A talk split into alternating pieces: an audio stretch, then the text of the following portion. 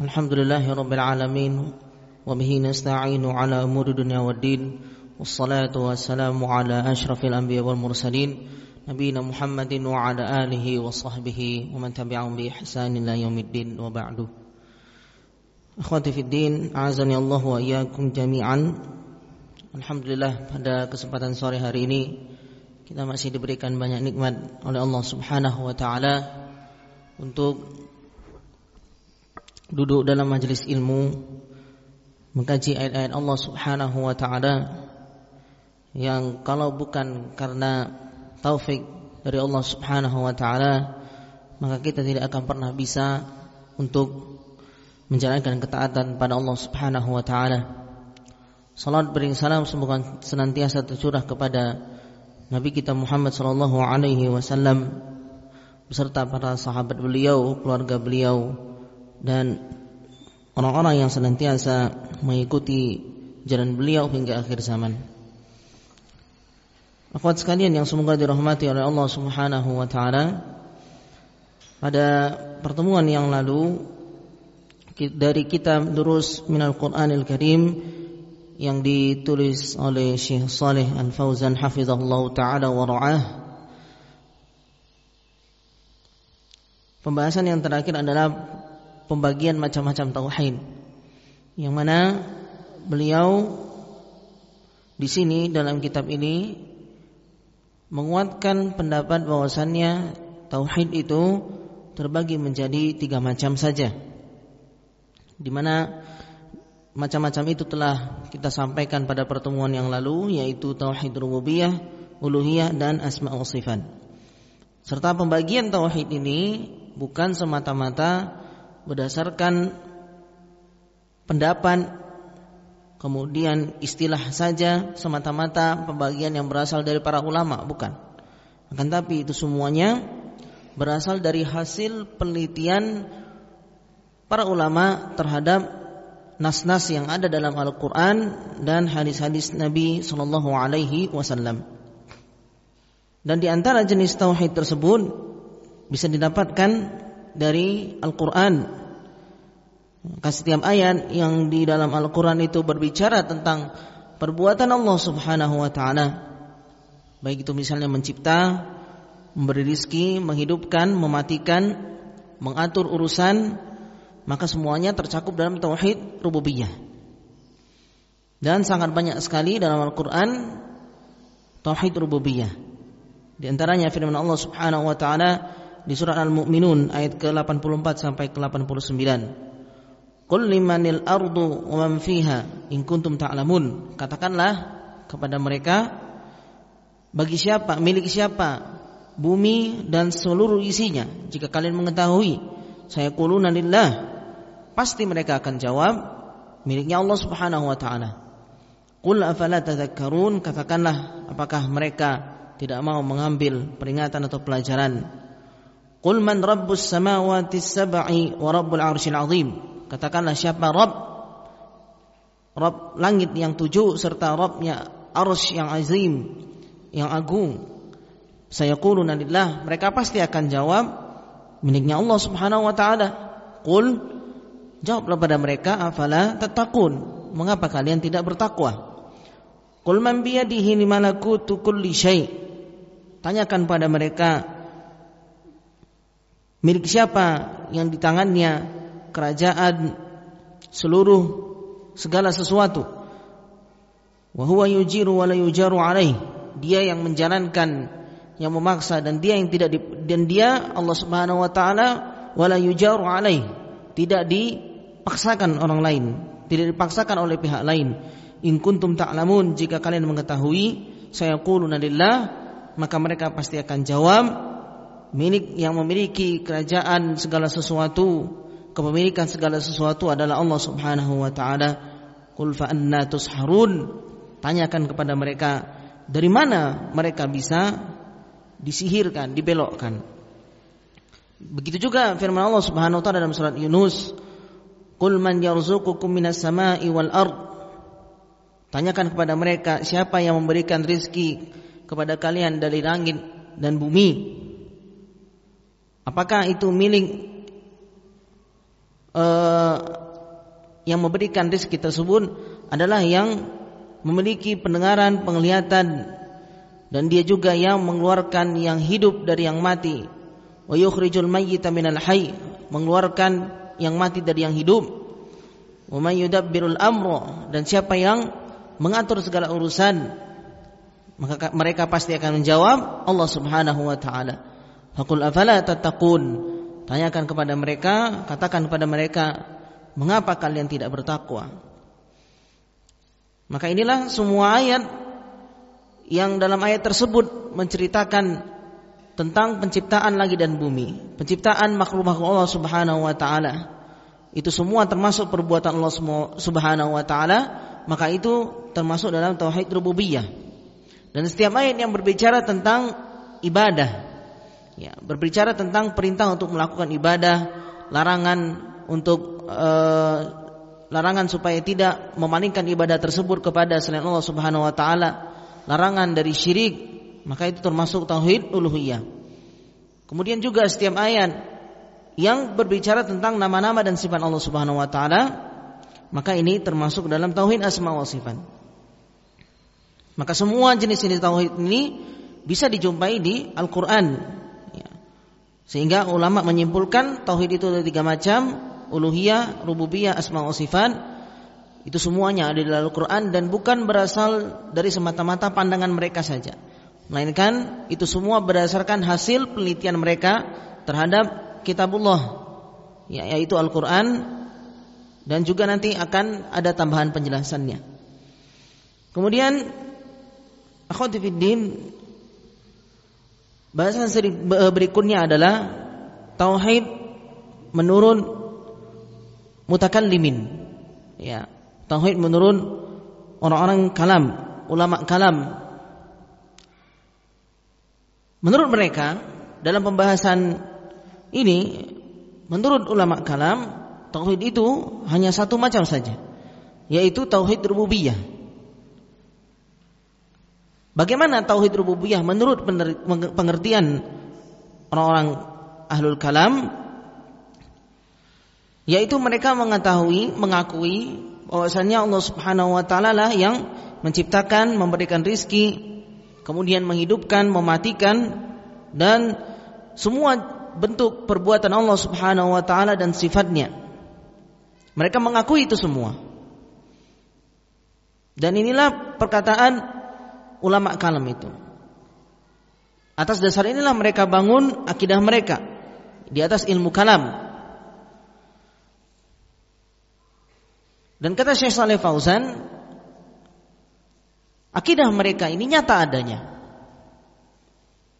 Beliau bukan sekedar mengada-ngada atau bukan sekedar melemparkan tuduhan belaka, namun bagi siapa saja yang mau mengkaji atau melihat buku-buku mereka pasti akan menjumpai tauhid dengan cara definisi seperti ini menurut ulama ahlul kalam dan bahwasanya tauhid itu hanya satu macam saja. Sehingga menurut mereka konsekuensinya adalah barang siapa yang sudah mengakui Allah Subhanahu wa taala, mengenal Allah Subhanahu wa taala dan mengakui Allah lah yang Maha Esa dalam segala perbuatannya, maka orang tersebut sudah bertauhid. Dan mereka tidak mengakui tauhid uluhiyah dan tauhid asma wa sifat. Sehingga kalau ada orang-orang yang beribadah kepada kubur, kemudian berdoa kepada mayit, ya, mereka tidak akan menganggap itu sebagai sebuah kesyirikan. Paling paling banter di antara mereka, di antara ulama kalam mereka, mengingkari hal tersebut dengan mengatakan bahwasanya hal itu adalah keliru, salah. Tapi tidak mau dikatakan itu sebagai kesyirikan. Hanya sekedar ini eh, menghadap kepada selain Allah Subhanahu wa taala. Tapi tidak dikatakan itu kesyirikan, hanya sebuah kesalahan kekeliruan semata. Sehingga mereka tidak menganggap perbuatan menyembah kubur, e, meminta pertolongan, istighosah kepada penghuni kubur, ya.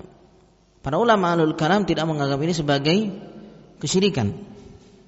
Ya, bahkan mereka memberikan uzur Bahwasannya perbuatan itu hanya sebagai e, mencari perantara saja, wasilah saja, sebagai mencari syafaat saja di sisi Allah Subhanahu wa taala.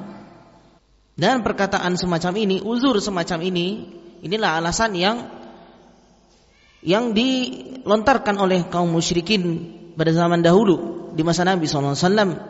Di antaranya Allah ceritakan di surat Az-Zumar ayat ketiga, "Mana na'buduhum illa liyuqarribuna ila Allahi zulfa." Kami tidaklah menyembah mereka ya e, orang-orang saleh ini berhala-berhala ini illa liyuqarribuna ila Allahi zulfa. Tujuan kami supaya mereka menjadi perantara kami yang akan mendekatkan kami kepada Allah Subhanahu wa taala sedekat-dekatnya. Begitu juga di surat Yunus ayat ke-18, "Wa ya'buduna min dunillahi ma la yadurruhum wa la yanfa'uhum." Mereka menyembah selain Allah Subhanahu wa taala yang sesembahan selain Allah tersebut tidak bisa memberikan mudarat maupun manfaat kepada mereka. Wa yaqulun dan mereka berkata beralasan ibadah mereka tersebut haula'i syufa'una indallah. Mereka yang kami sembah ini harapannya menjadi syafaat kami yang menolong kami di sisi Allah Subhanahu wa taala. Nah, ini sehingga banyak dari ulama kalam yang tidak mengingkari perbuatan-perbuatan amal ibadah kesyirikan yang ditujukan kepada selain Allah Subhanahu wa taala. Bahkan memberikan udur itu semata-mata mencari syafaat saja, boleh-boleh saja, ya. Adapun yang mengingkari di kalangan mereka sendiri paling banter hanya mengatakan itu sebuah kekeliruan saja. Ya. Mereka ya, tidak bermaksud sengaja untuk melakukan kesyirikan tersebut. Harusnya diberikan uzur karena kebodohan dan ketidaktahuan mereka. Ya. Tapi tidak mau mengatakan kalosannya itu adalah kesyirikan. Adapun terkait asma dan sifat, nama-nama dan sifat Allah Subhanahu wa taala menurut para ulama alul kalam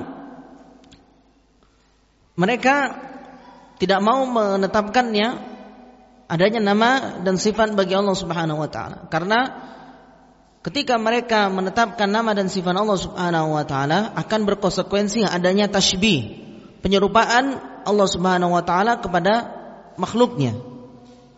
Dan di antara kelompok firqah yang paling getol, yang paling terdepan dalam membantah, meniadakan nama dan sifat Allah Subhanahu wa taala adalah Jahmiyah.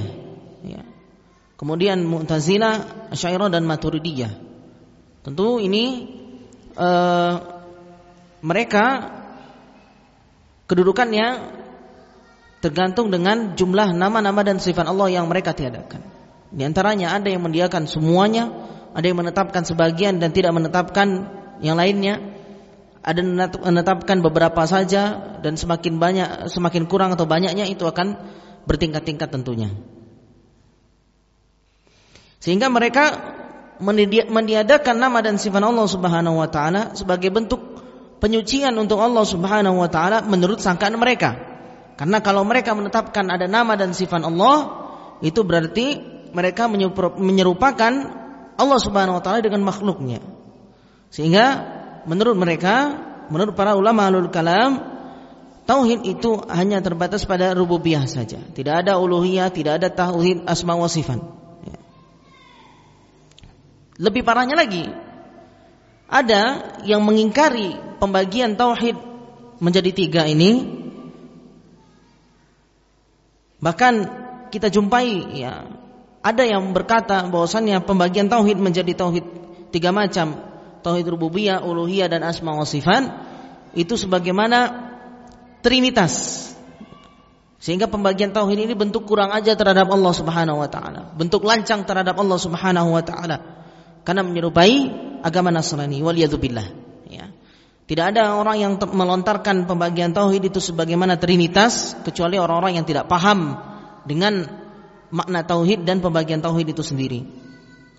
Sehingga di beberapa firqah kita jumpai masih ada yang berani mengatakan pembagian tauhid menjadi tiga macam itu sebagaimana trinitas. Ya, waliyadzubillah. Sehingga ini adalah kekeliruan yang harus diluruskan dengan cara mempelajari tauhid dan memahami makna hakikat pembagian tauhid itu. Akhwani fiddin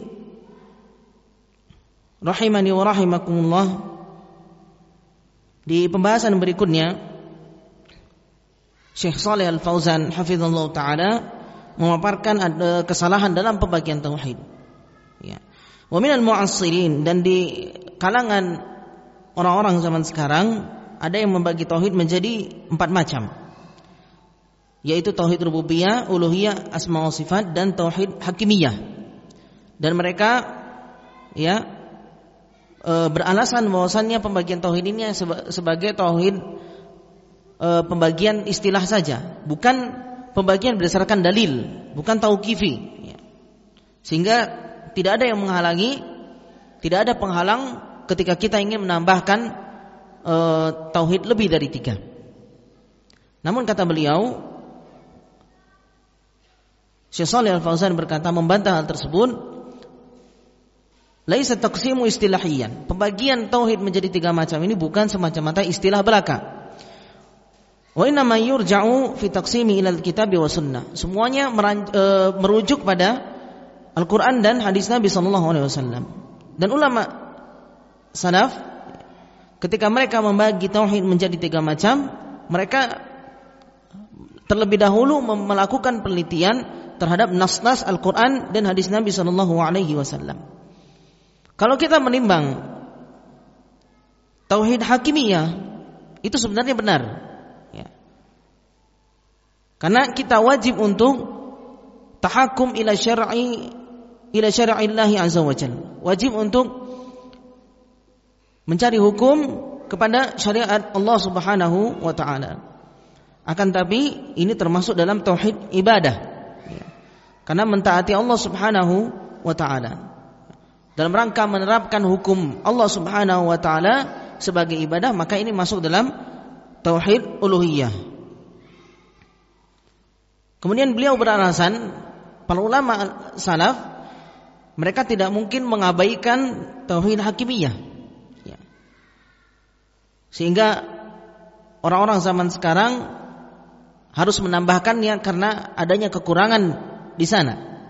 Bahkan para ulama salaf telah mengetahui adanya hal ini dan mereka tidak mengeluarkan tauhid hakimiyah menjadi pembagian tersendiri yang nomor keempat karena sebenarnya tauhid hakimiyah termasuk ke dalam tauhid ibadah atau tauhid uluhiyah. Karena di antara bentuk beribadah kepada Allah Subhanahu wa taala adalah mentaati Allah Subhanahu wa taala dalam hukum syariatnya. Sehingga tidak dijadikan tauhid hakimiyah ini menjadi bagian tersendiri.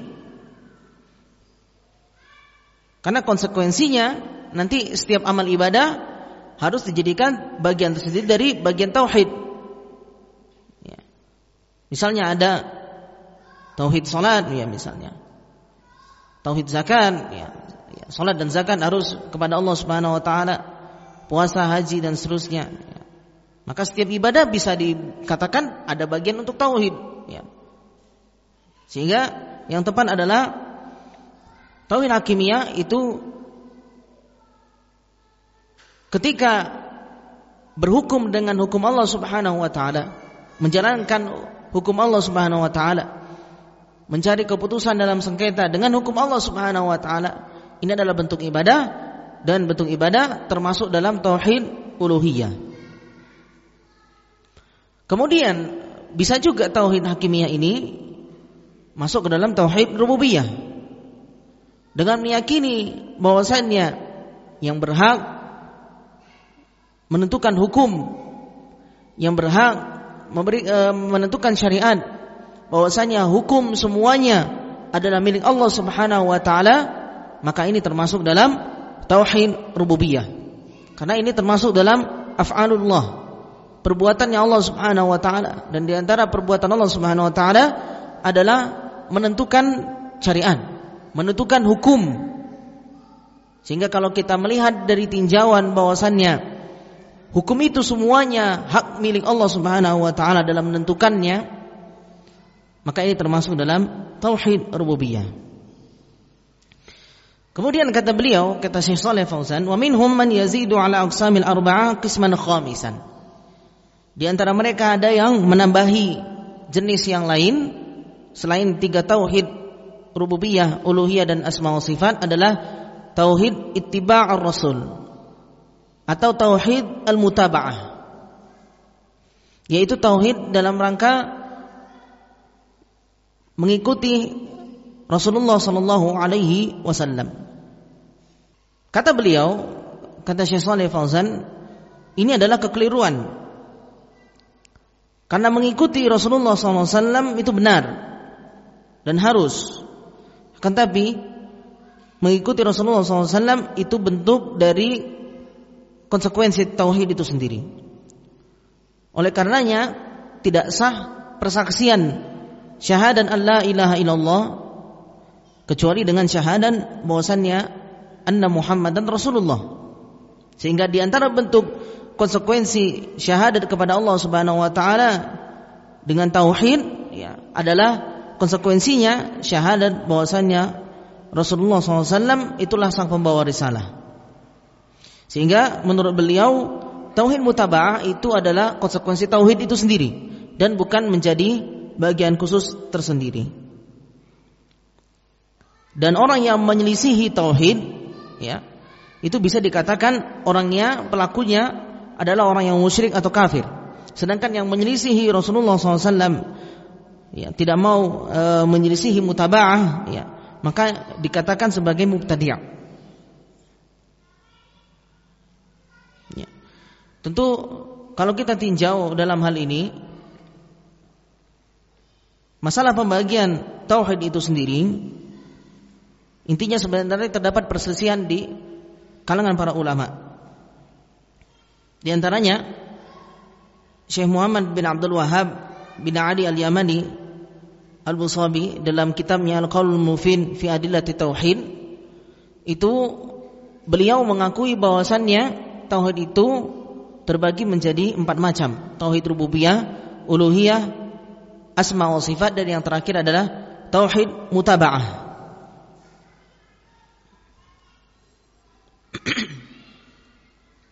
Dan beliau di buku tersebut membawakan argumen tentang pentingnya tauhid mutaba'ah. Dan beliau juga membawakan ada ulama yang membela beliau karena beliau telah menulis catatan tulisan tersebut tauhid mutaba'ah beliau paparkan di antaranya kepada Syekh Mukbil Al-Wadi'i kemudian Syekh Nasruddin Al-Albani kemudian Syekh Saleh uh, Syekh Abdul Aziz bin Baz rahimahumullah taala. Dan mereka semuanya mengakui dan uh, ya mengakui bahwasannya tauhid mutaba'ah ini pembagian tauhid yang keempat. Ada tauhid mutaba'ah itu adalah pembagian yang tepat dan bukan sebuah kekeliruan. Karena kalau kita lihat asal muasalnya ada ulama lain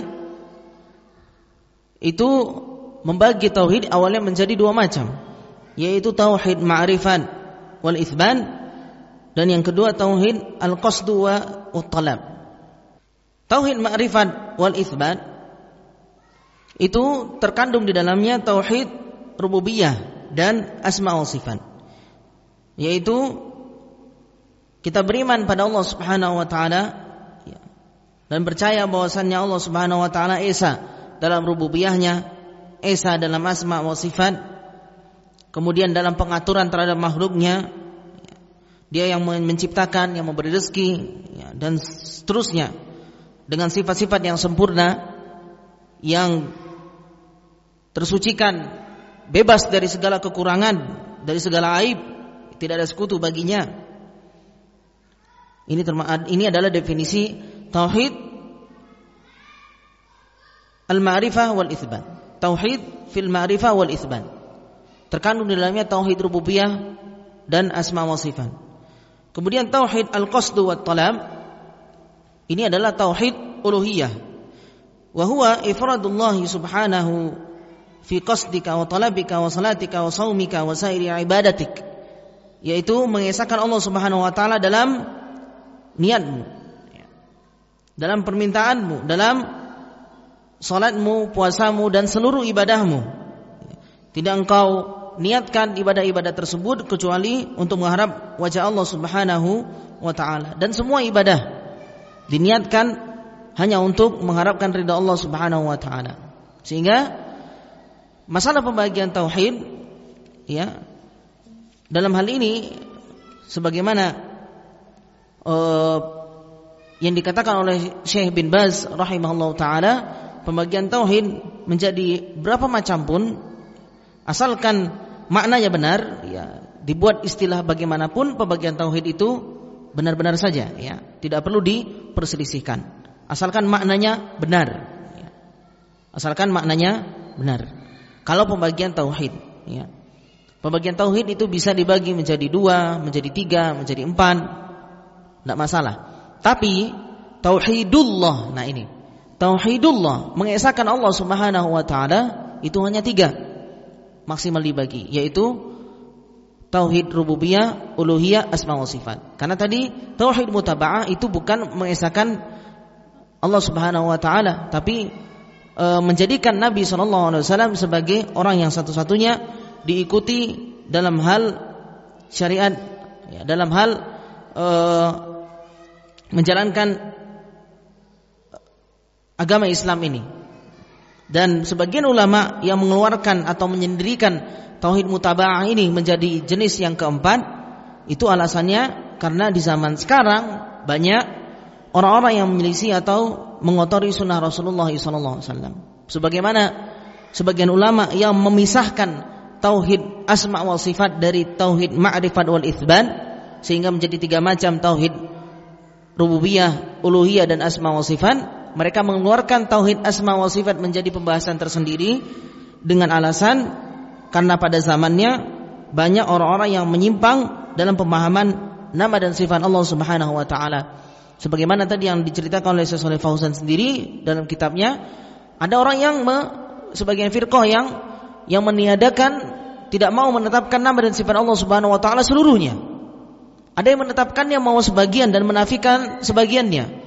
Sehingga dikeluarkan pembahasan tersendiri tauhid asma wa sifat dari tauhid ma'rifat wal itsbat sehingga menjadi tiga macam tauhid itu karena menimbang realita atau kondisi di zaman tersebut. Sebagaimana para ulama yang membagi tauhid menjadi empat macam, ada tauhid mutaba'ah karena beralasan di zaman sekarang banyak orang yang menyelisihi dan e, mengotori dan menodai sunnah Rasulullah Sallallahu Alaihi Wasallam. Kesimpulannya adalah tauhid itu bisa dibagi menjadi beberapa macam pun. Namun tauhidullah mengesahkan Allah Subhanahu wa taala itu maksimal menjadi tiga saja yaitu dalam rububiyah, uluhiyah dan asma wa sifat. Akhwati fid din, azani Allah wa iyyakum jami'an. Dalam pembahasan yang keenam dari kitab Durus Minal Qur'anil Karim, Syekh Saleh Al-Fauzan hafizahullah taala menyampaikan pembahasan tauhid yang dituntut kepada manusia. Tauhid yang dituntut untuk manusia melakukannya adalah tauhid uluhiyah. Oleh karenanya para rasul semuanya memulai dakwahnya dengan firman Allah Subhanahu wa taala, "U'budullaha ma lakum min ilahin ghairuh." Sembahlah Allah Subhanahu wa taala, "Ma lakum min ilahin ghairuh." Tidak ada ilah yang berhak disembah selain Allah Subhanahu wa taala. Ya. Para rasul mereka semuanya menyeru umatnya kepada tauhid uluhiyah sebagaimana yang banyak diceritakan dalam Al-Qur'an. Hal ini disebabkan karena tauhid uluhiyah banyak diingkari oleh manusia dan banyak syaitan berusaha menjerumuskan manusia dalam kesesatan dari sisi tauhid uluhiyah.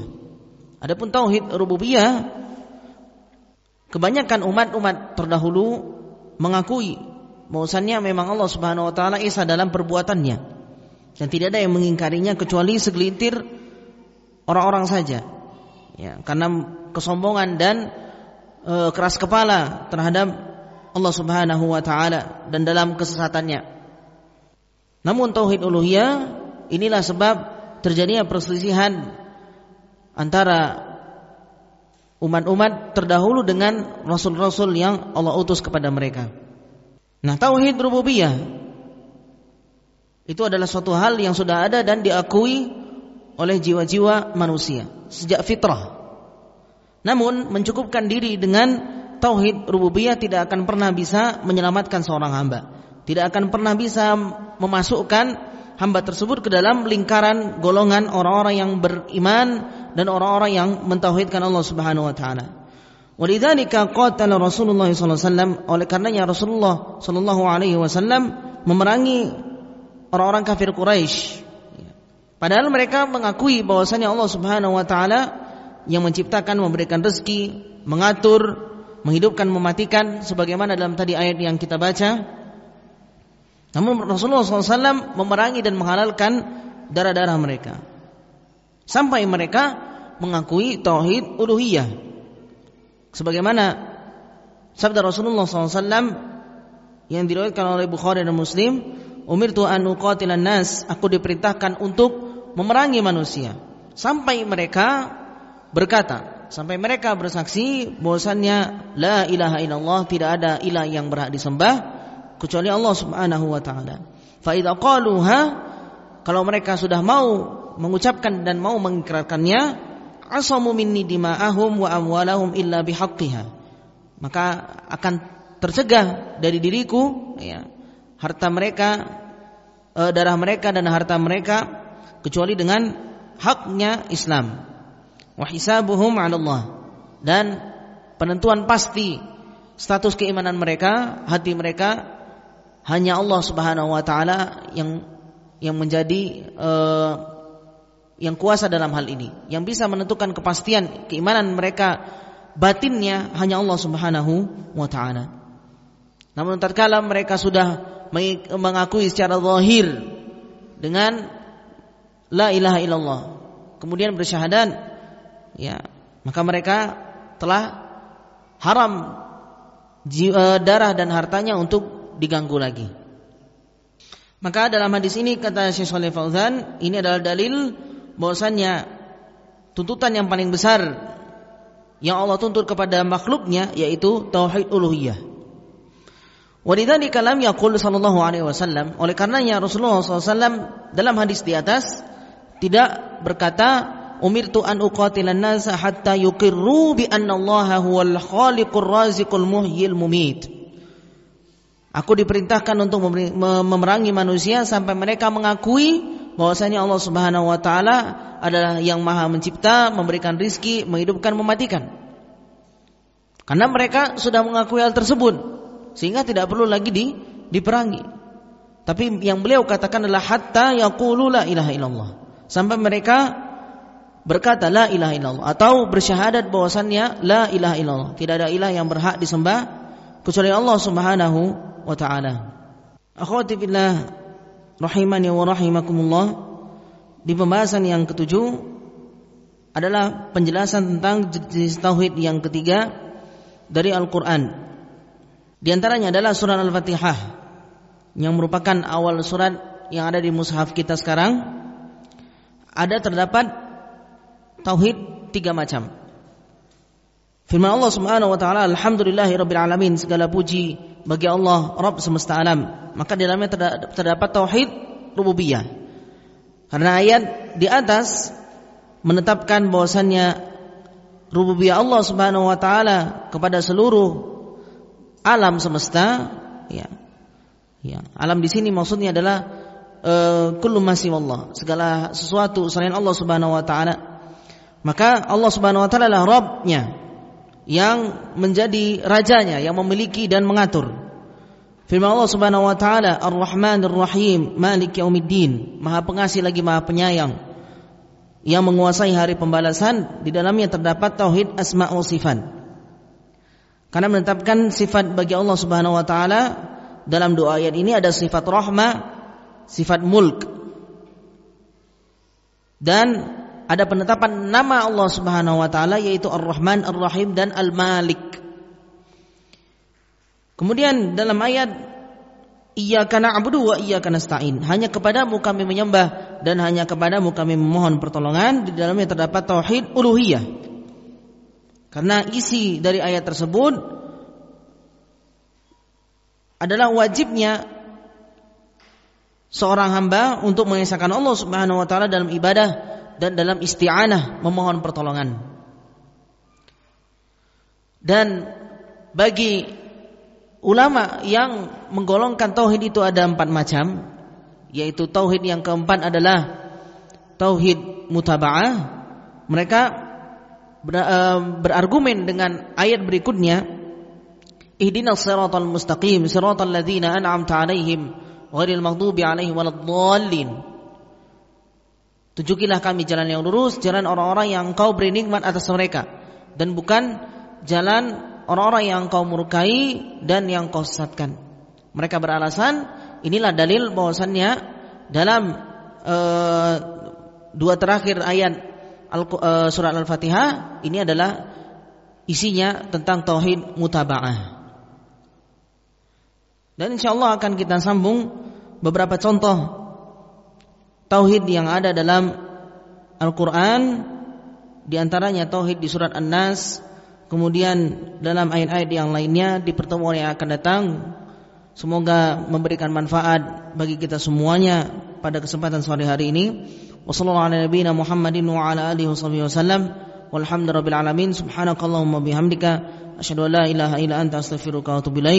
Wassalamualaikum warahmatullahi wabarakatuh.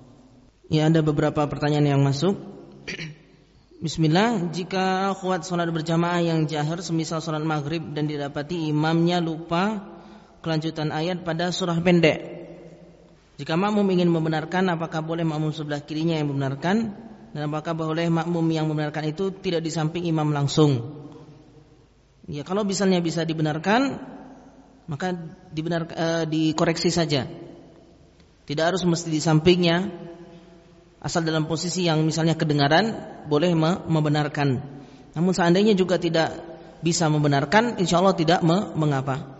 Karena uh, yang menjadi rukun adalah surat Al-Fatihahnya. Apa yang dimaksud dengan ulama kalam atau orang-orang kalam? Yaitu yang me, yang mereka berusaha me mengadopsi ilmu ilmu-ilmu filsafat Yunani kuno. Ya.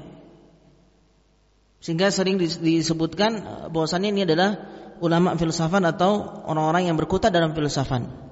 Sebenarnya e, filsafat sendiri ya e, kalau seandainya hanya sekedar dalam masalah e, sikap pandang cara hidup dan seterusnya Insya Allah tidak mengapa Tapi masalahnya mereka menjadikan uh, ulama uh, ilmu kalam atau ilmu filsafat tersebut yang diadopsi dari pemikiran uh, Yunani kuno itu dimasukkan dalam masalah akidah, dalam masalah agama. Maka ini yang akan merusak ya, padahal dalam masalah agama dalam masalah terutama akidah, tauhid mengenai Allah Subhanahu wa taala tidak mungkin kita bisa menggunakan akal manusia.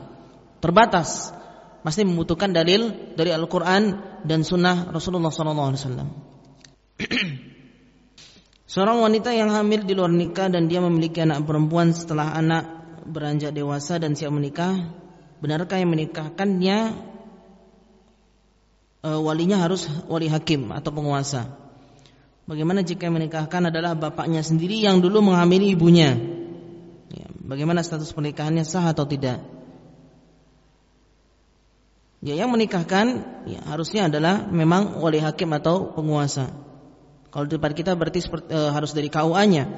Adapun bapaknya yang secara biologis itu tidak sah menjadi wali nikahnya.